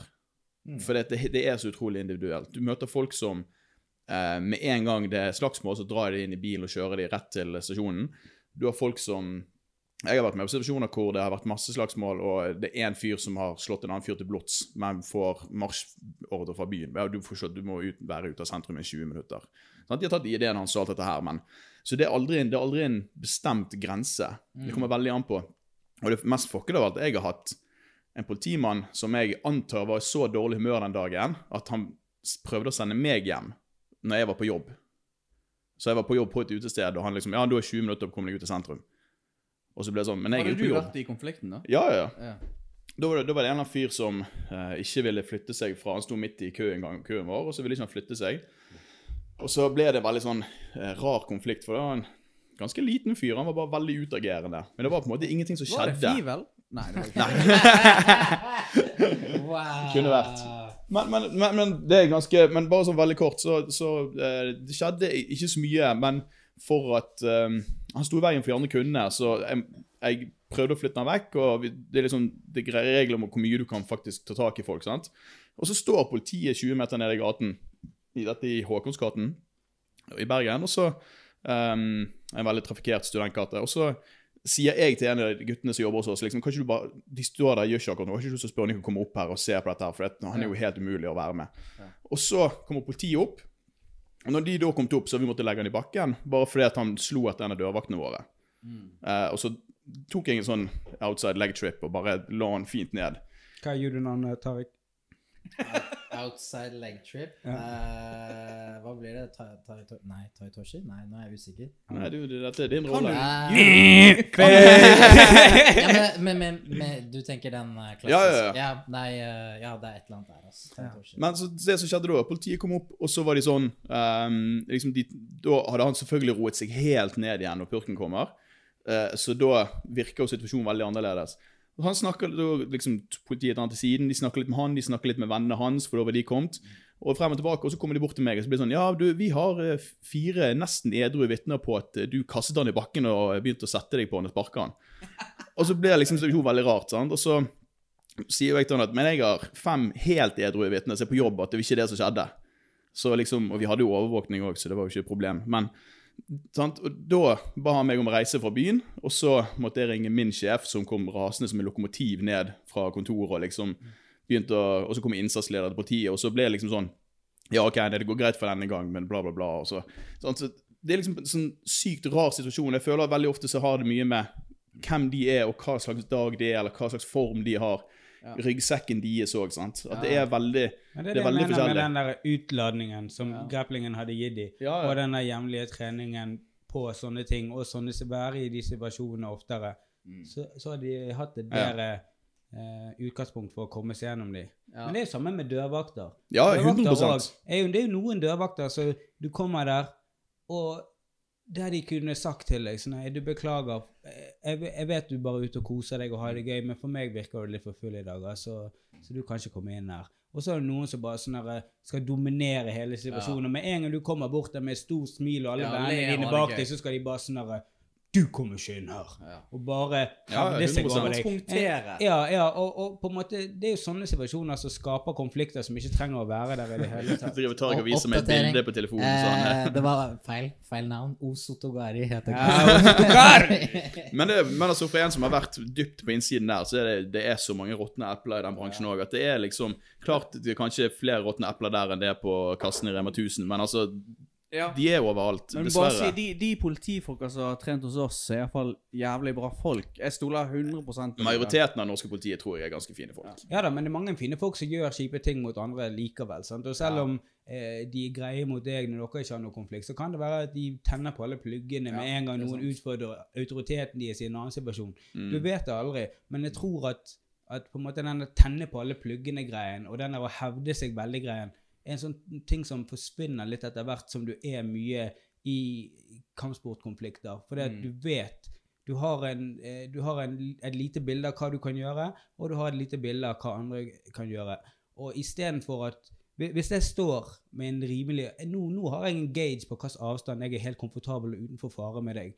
Og i, når jeg er i nærheten av fulle folk, så kjenner jeg ofte at de kommer på en måte inn i sfæren min. litt for nær meg. Og hvis det er noe aggresjon eller noe dårlig sted, så tar jeg et steg tilbake, så holder jeg på en måte denne avstanden der jeg er helt komfortabel, og jeg vet det ikke er noe fare. Men denne faresonen, den er mye større når du ikke er trent, når du ikke vet hva som skjer. Da, da er du mye bekymret for mye lengre vekke. sant? Ja. Den varselrundingen din er mye større. Men nå vet jeg avstanden du trenger, og jeg vet hvor fort du kan komme nærmt meg, og jeg vet hva jeg skal gjøre hvis du kommer nærmt meg. Og bare et steg tilbake kan få meg ut av den der litt ubehagelige følelsen. Og alle de tingene der tror jeg kommer ubevisst inn i deg etter hvert som du trener mye, og du er mye i sånne konfliktsituasjoner. Og hvis jobben din er å løse konflikter, så bør du være godt vant til konflikter. Jeg tror jo også det er jo litt det der med å kunne kontrollere seg selv eh, Altså beherske emosjonelt, Mm. og ikke minst altså hvor krafttilpasning, på en måte. Jeg tenker jo uh, Der er jo jitsu helt flott i forhold til at veldig ofte sånn i starten, når du blir stuck i noen posisjoner, så har du tendens til å bruke mye energi. Og så kommer du i verre situasjoner. Ja, altså, altså, altså plutselig skjønner du at fuck, her, her brente jeg opp all, uh, all fuelen min på ingenting, sant? Ja. Og jeg tror det å kunne eh, beherske både sånn kroppslig at du Ok, her kan jeg gjøre det. Bruke så og så mange si kalorier da, på det og det og det, men ikke, ikke på liksom overtenne på noen som helst måte. Ja. Samtidig så må du jo lære også at Selvfølgelig, du kan jo ha opphisset eh, i kamp, og du kan på en måte ha spisset uh, punkter der hvor på en måte du setter opp tempo, men hele tiden så regulerer du deg selv ned igjen, for du vet at dette er et tempo du ikke kan holde oppe hele tiden. Mm. Og det, er- ikke sant? Du lærer på en måte hele tiden å styre deg selv. Så jeg tror eh, Om ikke eh, Om ikke det er i jiu-jitsu, så er det i hvert fall en veldig grei ting å kunne generelt i kampsituasjoner, da. Men jeg tror, jeg tror det er veldig riktig det som, det som ble sagt her i sted, at det er, det er så mange variabler som vil spille inn. Sånn at det er liksom ikke løsningen er ikke at politiet skal begynne å trene jiu-jitsu, men det er en veldig god, godt steg i riktig retning. Mm. Og liksom begynne å kanskje inkludere litt um, Kamptrening, rett og slett. Eller Send hele politiskolen på MMA-kurs. Nei, men det, det, er jo sånn ting, sant. Hvor mye skal de slå, da? Altså, er, er, det, er det smart i det hele tatt at en politimann kaster et slag? Men jeg tror ikke de skal sende på striking-kurs. Ja, men det er sier, altså sånn i forhold til striking du, Jeg føler at med en gang noen kaster et slag, da, så er det 10 000 ganger mer voldeligere enn det grappling er, på en måte. Ja, men jeg, jeg, tror ikke, jeg tror aldri det har vært snakk om at politiet skal sendes på et kurs hvor de skal lære striking. Nei. Men det, det, jo bare, du trenger jo bare å kjenne på scramble. Hvordan, eller hvordan liksom kaoset er. Men Og kaoset kan jo være forskjellige ting. Men det er bare, du må kjenne hvordan det er å bli jævlig andpusten mens noen prøver å dominere deg. Tror jeg liksom er men du må jo også kunne grapple med slag. Da. Ja, jeg, Ja. Føler at, jeg føler at slag og ha en bevissthet rundt eh, slag og spark er viktig. For Ja, ja, ja. Du må vite om faresoner, du må vite hva som kan skje i alle situasjoner, du må vite hva avstandsberegning du skal ha til folk, du skal vite eh, på en måte hvor du er trygg og når du er i fare, og løse alle konfliktene i en, på en måte der du er trygg og den personen. For det at akkurat på samme måte som jeg føler at eh, ikke jeg skal være truet, så vil jeg ikke true deg heller. Og jeg tror automatisk hvis jeg står på riktig avstand til deg og snakker til deg på en Mm. rolig og behersket måte, så kommer du til å føle deg mye tryggere og forstå at ikke jeg nødvendigvis er ute etter å skade deg eller tvinge min vilje over på deg, men jeg gir deg rom til å forklare deg og gir deg rom til å komme med din mening, og så løser vi den situasjonen sammen. Istedenfor at jeg kommer helt opp og står over deg og skulle på en måte ta vekk den Bare det å ta vekk den plassen mellom oss er en eskalering. Jeg Ja, føler det er så mange sånne ubevisste ting som folk gjør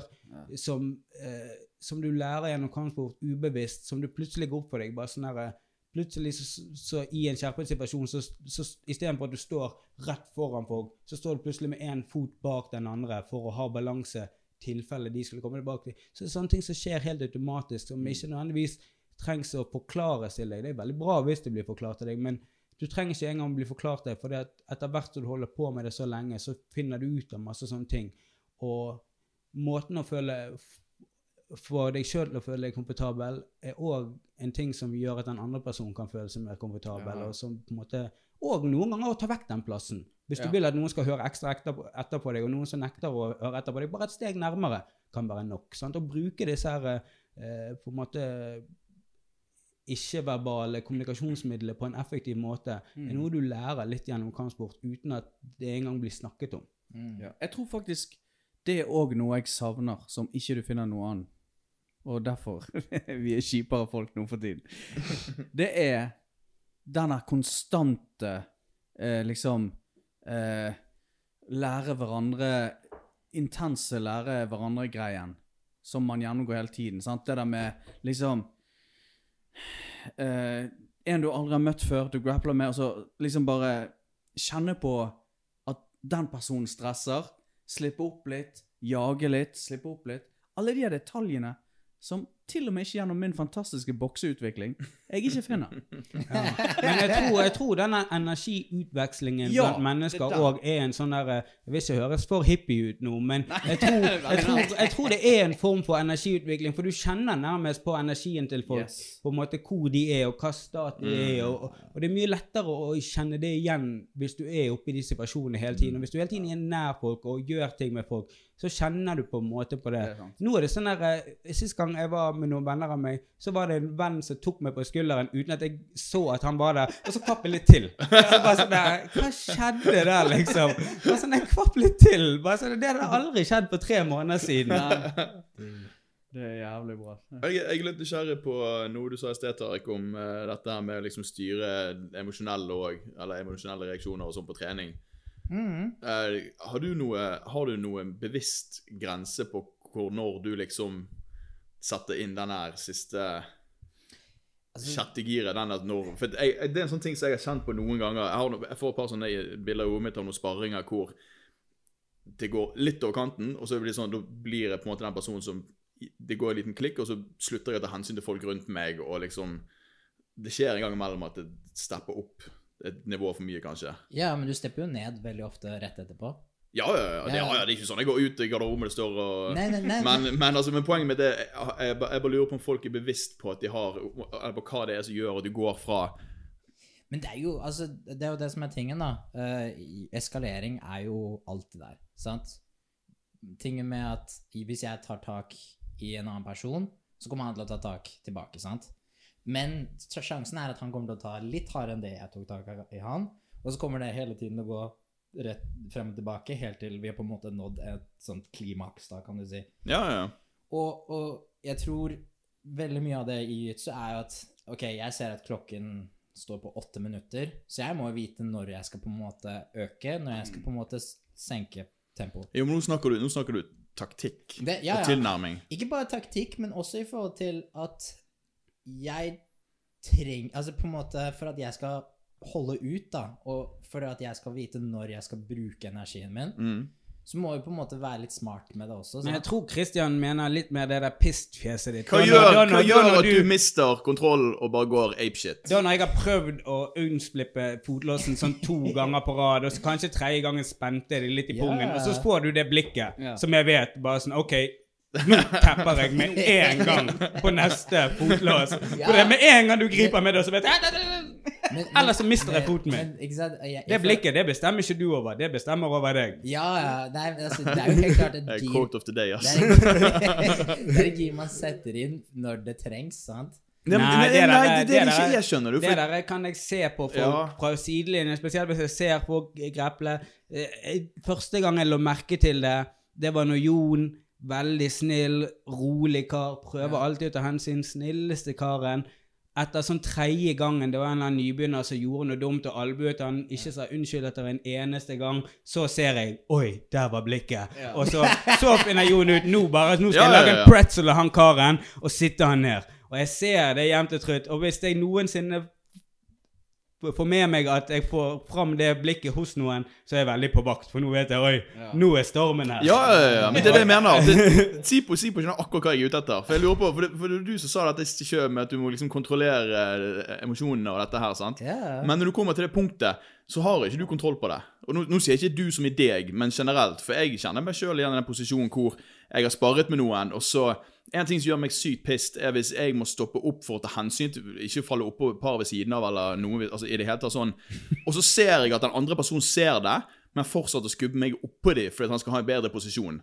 Ja. Da er det sånn, da slår det en bryter i hodet mitt som bare Jeg går apeshit. Men da er det, jo, det er jo ikke utover partneren, det er det mer utover de andre som Nei, det går jo utover de for at han fortsetter å dytte. Men hvis, jeg, hvis jeg vet at han vet at de er der, men han tar ikke hensyn, for ja, han sånn, ja, Han insisterer på Ja. å fullføre, fullføre passeringen, for han tror nå er jeg endelig nærmt å passere, men Ja. jeg har sluttet å motstå passeringen. Ja, ja, Jeg prøver å ta hensyn nå, Ja, og så skal du smashe meg som takk for det. Ja, ja. Da, da, det er sånn greie som kan få meg til å bare Men, men det er jo svartne. Ja, jeg, Men jeg føler den der er mer sånn der OK, nå er ikke bremsene på lenger. Jeg føler det er det det blikket sier. Ja, altså, ja, ja. Der, OK, nå har du fått meg med han der eh, på en måte greie karen som holder igjen og styrer og alt taktikken og alt det der. Det er han du har hatt med å gjøre hele tiden, men nå er ikke det han lenger. Nå er det det jeg kan Ja, gjøre mot kanskje- deg. det er kanskje jeg føler det mer bremsende bremsene av. Ja.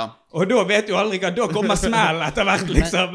Ja, ja, men det, er en bedre beskrivelse. For det, det er kanskje litt det Det er ikke det det er liksom det, går en bryter på, men det er, det er den der at da slutter du kanskje å ta hensyn. Ja, ja. Du, du Ja. Ja, men Du du, vet jo at du gjør det, eller? Nei, men du slutter også å tenke. Det er det som er tingen. ja, det er det du mener. Ja. Du, du, slutter å, du slutter å prøve, du gjør bare. Jeg, Det- det, jeg vet hvordan det trynet ditt ser ut. Ja, ja. Det, det er greit. Når vi snakker om denne kunsten, jeg tror jeg kunne tegnet en følelse på av, av det der blikket. Nei, men, men ja, ok, det, det tror jeg er også handler om at på en måte du Når du lærer ting inn, sånn, eh, altså når du teknisk tar inn teknikker, da, så er det på en måte noen ting som du gjør eh, der hvor du på en måte må tenke, du må ta steg og steg. Men det er visse ting som bare ligger så inn i blodet og så indoktrinert at du på en måte kan gjøre det i 110 da. Ja. Og ja, veldig ofte så går du gjerne inn i den der moduset, sånn autopilot, samtidig at du vet hva du vil, og da er det bare Men når du står etterpå med blod på hendene, og det er bare Og sånn foten inn i hånden! Ja. det, det, er en hvit, det, det er en hvit belte som ligger der, og det er bare fullt av blod rundt den. Tenker du da, Tariq, at liksom Jeg burde Jeg burde Ja, tatt high road. Men, men det er jo nettopp det, da. Det er jo ofte at du kontrollerer. Så jeg tenker at det som er viktig, er at hvis du går til denne her Jeg vet ikke hva vi skal kalle det her, sjette eller ellevte giret, sant Der hvor um, Det er jo Girkassen er ødelagt, det er jo det som er poenget. Det er- du kan ikke styre styre det. Du kan ikke styre det. Men poenget er at når du har fått den neste posisjonen, si uh, jeg, har kommet, jeg har fått passeringen, sant? Da kan jeg på en måte gå tilbake igjen, føler jeg. Veldig ofte. Enten det, eller på en måte fått submission, og så på en måte fortsette trening, men da på en måte går vi tilbake igjen. Ja, ok. Oppfølging til alle. Har dere gått bort og sagt unnskyld etterpå? Eh, en ja, sånn det, Har ja, faktisk. sånn, Sorry. Jeg har aldri det, men jeg har kanskje snakket med noen om hva som nettopp skjedde. men okay. ikke på en unnskyld måte. For jeg, jeg føler i hvert fall at hvis jeg har gjort det, så er det et svar på den situasjonen vi havnet i sammen. Ja. Og vi havnet i den situasjonen sammen. Og det er fint, vi kan snakke om den situasjonen. Og kanskje jeg gikk over streken, men vi var over streken, liksom. Ja, ja. Sånn at eh, på en måte Jeg syns en av de fineste tingene med BI er at liksom når sparringen er ferdig, gi folk en klem. Ja, ja. Og så, og så Ja, liksom Da er vi ferdig. Mm. Da er vi ferdig med det. Og det som skjedde i den runden, det skjedde i den runden. Hvis det skjer enda en runde, så er det sånn at ok, kanskje vi må slutte å spare sammen. Men på en måte Jeg føler det blir avsluttet når runden avslutter, i de fleste tilfeller. Og kanskje det trengs en prat, men som oftest så føler ikke jeg at den praten er nødvendig. Nei, Jeg føler føler Vi var plutselig der sammen. Nå klemte vi, og så har vi ligget det bak oss, og så prøver vi ikke å komme der sammen flere ganger. Som ofte så tror jeg ikke det er nødvendig, men det er faktisk den, akkurat den situasjonen jeg tenkte på nå, så husker jeg vi satte oss ned etterpå, og så ble jeg litt sånn satan, altså der fikk du meg til å bli litt dum, og så ble han sånn, ja, jeg kjente det, jeg skulle kanskje ikke gjort akkurat den, og så måtte jeg gå bort og si unnskyld til hun, som så vi datt oppå etterpå, liksom. Ja, men det er det jeg mener. Jeg mener denne, å, å si unnskyld for det føler jeg litt sånn derre jeg, er ikke- jeg er ikke lei meg for at jeg gjorde det. Nei. For det, vi, vi kom i den situasjonen. Det er liksom Det var det der du fikk meg Der havnet vi sammen. Og hvis Jeg har aldri gjort noe vondt mot noen. Jeg har aldri skadet noen eller gjort noe som på en måte Jeg føler at jeg måtte si sorry for. Men jeg har, jeg har tatt prater med folk om at sånn at der gikk det over stokk og stein. Ja, ja. For det, vi tok av bremsene. Ja. Og vi burde ikke ta av bremsene. Nei, men det skjer. Det Ja. kan skje. Ja, jeg tror også Det er jo en sånn, del av det. I forhold til konkurransetrening så blir det veldig Altså, du må ta bremsen Ja, men da, da er det en helt annen greie. For Ja, da går du inn i det litt mer eh, Mm. i Ok, nå, nå prøver jeg å kjøre litt uten bremser her. Da, Ja. da er det en helt annen situasjon. Mm. Men denne vanlige sparingen, da føler jeg at sånne de situasjonene jeg havner i der jeg tar av bremsene, da er det sånn her OK, nå har jeg bremsene på, men du har ikke bremsene på. Og så føler jeg ofte at sånn her Nå tror du kanskje at jeg kjører uten bremser her. Så må jeg bevise for deg at sånn at dette her er meg uten bremser. Så må jeg vise deg dette skjer hvis jeg òg tar av bremsene. Og så skjønner de som oftest at sånn Å ja, der tok du òg av bremsene. Det var jo drit. Kanskje vi skal begynne å ha bremser på, liksom. Jeg føler det. Det, hø- det, høres ut som, det høres ut som de gangene jeg glemmer at Tariq har et ekstra gir. Ja, ja, det. Det, er sånn, det er sånn som jeg prøver å forklare til folk en gang imellom. For det, det som skjer, Vi trener jo veldig mye sammen, sant? Sånn alltid ellers når liksom, gymmen åpner, der, så trener vi trener mye sammen. Og veldig ofte så får jeg spørsmål av folk liksom Ja, sånn og sånn og sånn og sånn. Og så kanskje hvis de ikke tør å gå og spørre han, så spør de meg om noe. Eh, og veldig ofte prøver jeg å forklare at Vi kan gå liksom litt hardt og litt sånn, men hvis jeg pusher til mitt femte gir, og vi kjører beinhardt, så føler jeg liksom Faen, nå peiser vi på. Men så glemmer jeg alltid at Tariq har et sjette gir. Ja, det er nettopp det jeg å lære de greiene. Jeg Ja, kan ja. forsvare meg med å trakke han på pungen, men da kan jeg ikke forsvare meg lenger. For da gjør han noe annet mot meg som jeg ikke kan forsvare. Så, da, så hvis jeg er villig til å trakke han på pungen, så må jeg òg være villig til at da tar han av bremsene. Nei, ja, men, men, men det er det jeg mener. Det, det, ja, både òg. For det sjette giret eh, ikke, det er fortsatt med bremser på.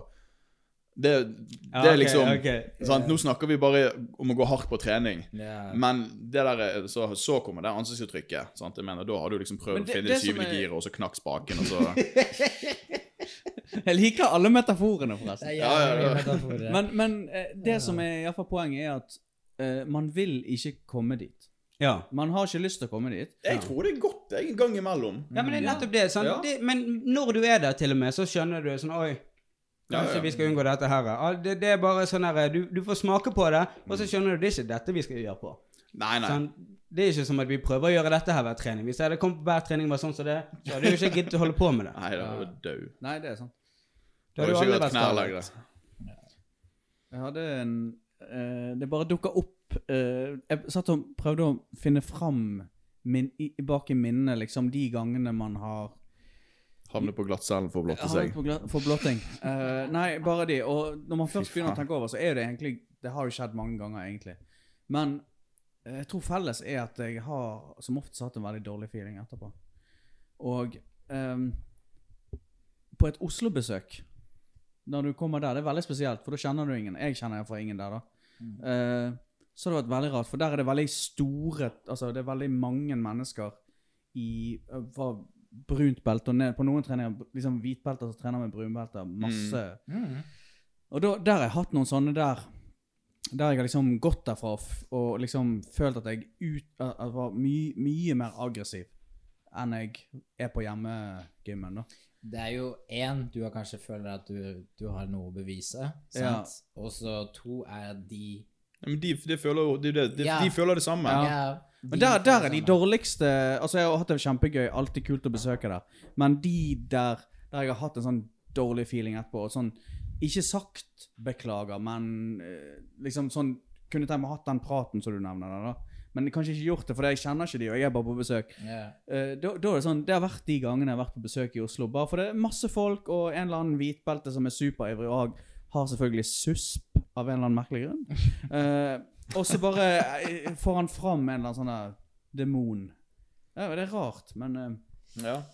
Ja, det er vel en del av men, alt. men nå er jo uh, hvitbelter uh, kjent for å prøve å teste Altså, Ja. de, en er jo at de ikke klarer å beherske seg, og de vet jo på en måte ikke De har i hvert fall ikke en girkasse, sånn sett. Men, men ikke sant det, det er jo litt sånn Å, her har jeg en fyr som gjerne er litt bedre enn meg. Jeg må teste han ut, og jeg må prøve liksom å På besøk. Han er på besøk. Ja, ikke sant. Og alt det der. Så jeg tror um, Ja. Det er samtidig rett av deg å sette han på plass. Ja. Satan, jeg gleder meg til å besøke gymmer i Danmark i sommer.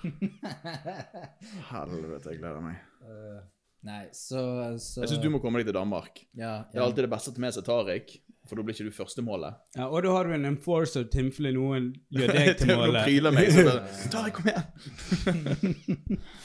Jesus.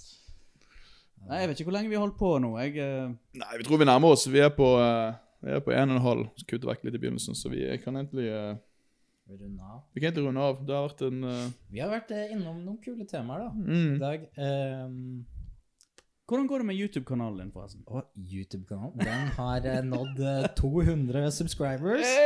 Så det er helt Må ikke si det som at det er en uh, tullete ting. Det er jo bra, det. Ja, det er, det er veldig gøy. Det er veldig gøy. Jeg, Er det- jeg, jeg, Altså, Det er jo noe som har vokst veldig fort. Mm, faktisk, uh, innen 28 dager så har vi fått de her eh, Eller det er vel det som er på en måte statistikken der, da.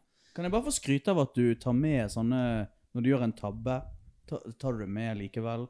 Når du sier noe feil, så bare ja, ja, ja. Men fortsett. Gjør det. Nei, men det er det som er tanken, er at eh, jeg føler at det jeg har å by på, er en mer uh, flad person som jeg er.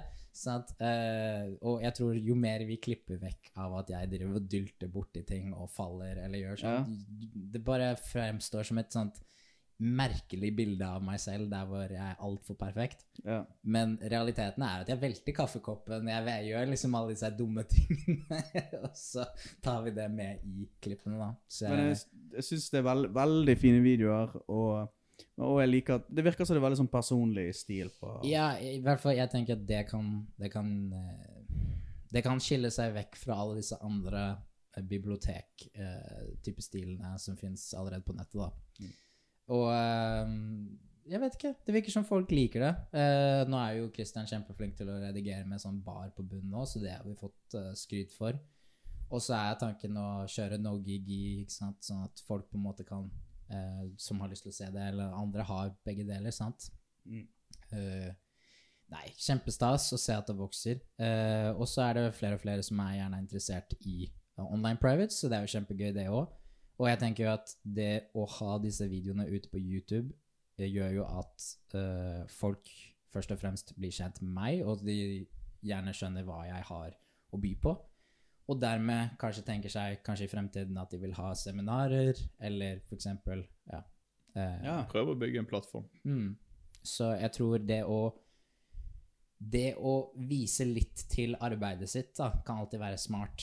Selv om jeg på en måte er ute og konkurrerer og har prestasjoner og på en måte vi kan vise til de, så sier ikke det så mye om meg som uh, undervis, altså sånn undervisningsmessig. Ja. ja, det er interessant, for det, det er jo litt sånn som når band lager, og artister lager musikkvideoer, så kan de lage liksom et jævlig bra produkt, men Mm. de konkurrerer jo med enormt mange. Mm. Og alle artister og band tenker alt sånn Vi sitter jo på gull. Dette her må jo bare Altså, det må jo på en måte sant? Men du går jo inn i en verden der du har utrolig mange som gjør det samme som deg og konkurrerer. Det gjør jo du òg på en måte, men du har jo et veldig godt utgangspunkt med din karriere som allerede har vært så lang før du startet den YouTube-kanalen. Så du har egentlig et veldig godt utgangspunkt. da. Ja, men jeg, samtidig så tenker jeg at det her var det perfekte tidspunktet til å starte det. I forhold til at én, vi har tiden til å gjøre det, og to er at uh, før jeg f.eks. går videre til svartbelte og konkurrerer der, så har jeg allerede en plattform Ja. etablert, sant? Uh, Istedenfor at det er noe jeg skal gjøre etter at jeg har på en måte Ja. Det verste jeg vet, hvis jeg oppdager noe skikkelig kult, og så prøver jeg å finne ut mer om det, og så er det ingenting der. ja, ja. Så det er best å ha en liksom back-catalog og ting du kan gå og finne ut av. Å, se på det, se på det. Og ha litt å grave i. At det ikke er bare sånn helt tomt. Bare sånn, å, det, å, dette var skikkelig kult. Men det var den første tingen som var tilgjengelig. Ikke bare det, men jeg tror også veldig mange Én ting er at ja, jeg syns det er dritkult å se på for eksempel eh, Ta Dave Grohl, da, som uh, musiker. Så du ser på han og alt han gjør fra dag til dag og sånne ting. Å, shit, det her er dritfett, sant? ja, ja. Men hvor fett er det ikke faktisk å se dokumentert han fra før han var populær, da? Før han Ikke sant? Når han spilte eksempel i Nirvana, og liksom fra begynnelsen, å ha det, føler jeg er litt gull, det òg, sant? Den, hele den der veien opp, da. Så Det jeg er et, et veldig rart eksempel, og jeg er ikke sikker på hvorfor jeg vet dette her. For det er ikke noe jeg følger med på. Men uh, har, har dere hørt om han der uh, YouTube-personligheten Mr. Beast? Nei. Eh, han, er, han har, jeg vet ikke så mye om han. Jeg, eh, han har en sånn rar greie hvor han får liksom inn sponsorer av filmene sine, og så bruker han alle de sponsorpengene til liksom gjøre sånne syke ting som å kjøpe hus til folk, eller hvis noen kommer og kjøper pizza, så tipser han i 5000 dollar, og liksom sånn helt absurde ting. Og han har liksom millioner på millioner views av filmene hans. Jeg, jeg har sett veldig lite på det, men jeg så noen som i en dokumentar om noe helt annet, sånn nett- og YouTube-greier basert, som påpekte det at han i dag har en kanal som er, ser veldig proff ut og skikkelig og sånn, men hvis du går inn i arkivet og går helt tilbake, så ligger alt det gamle dritet hans der, med sånn 50 views og filmet med mobiltelefon i 2008, liksom, og alt, alt ligger der. Så hvis du har lyst til å grave tilbake og se hvor han begynte i begynnelsen, så ligger alt sammen der, og det synes jeg er jævlig fett. Det, det er det. Så jeg tenker jo at reisen er jo veldig kult å på en Mm. måte følge med. Og så jeg tror også i forhold til at folk har en mye mer eh, lojalitet, da, eller tilhørighet til deg som person, eller ja, som på nettet, Ja. da. Men uh, ja. Men eh, for at det skal fungere, så må Tariq uh, skape content sånn at, eller content, sånn at vi kan produsere det. Eller content. Uh, jeg vet ikke om man uttaler det på norsk. Men eh, eh, sånn at vi kan produsere det og få det ut. Sant? Så da må Tariq begynne å gjøre hjemmeleksene sine. Og så skal jeg gå inn og like og subscribe. Ja, sånn som du må gjøre på YouTube. ja, hvordan vi er. Eh, Ja. Jeg skal blant annet eh, analysere min egen kamp. Men altså, jeg har jo sagt dette før. Jeg har jo Før så har jeg hatt Fivel på én skjerm der. Så har jeg hatt en Hitler-dokumentar på TV-en. Og så har jeg sagt liksom Hvorfor ikke bare tilføre Tariq på høyresiden? der? Så har jeg liksom Hæ? Jo, jeg så en litt sånn nazidokumentar på Netflix mens jeg hadde Fivel der. jeg, skjønner, det er ikke- jeg skjønner ikke sammenhengen. Det er multitasking, mann. Multitasking. Lære litt historie, lære litt Lære jiu-jitsu. litt historie, litt jusuk. Hvor kom det fra, liksom? Nei, jeg bare sier hvorfor ikke bare slenge taret? Han har en iPad. Han har en tredje ting han kan se på. I hvert fall en telefon. Så jeg bare sier det. Jeg har flere skjermer. Tarek, du er velkommen inn i Hvordan får du stuen. audioen her hvis du ser på Nei, vet du hva? Jeg har lyden fra Hitler-dokumentaren. Vet du hva, vi caller på det, ass. Det, nå er vi ferdig. Jeg gidder ikke mer. Takk for i dag. Er det noen som vil si noe før vi går? Nei, ok. Jeg håper alle har en god sommer. Og jeg, eh, jeg håper eh, folk, eh, hvis de trener, at de trener fornuftig og smart og tar harde på hverandre og viser hensyn. Krysser fingrene for at vi snart er tilbake igjen. Ja! Optimisme. Takk.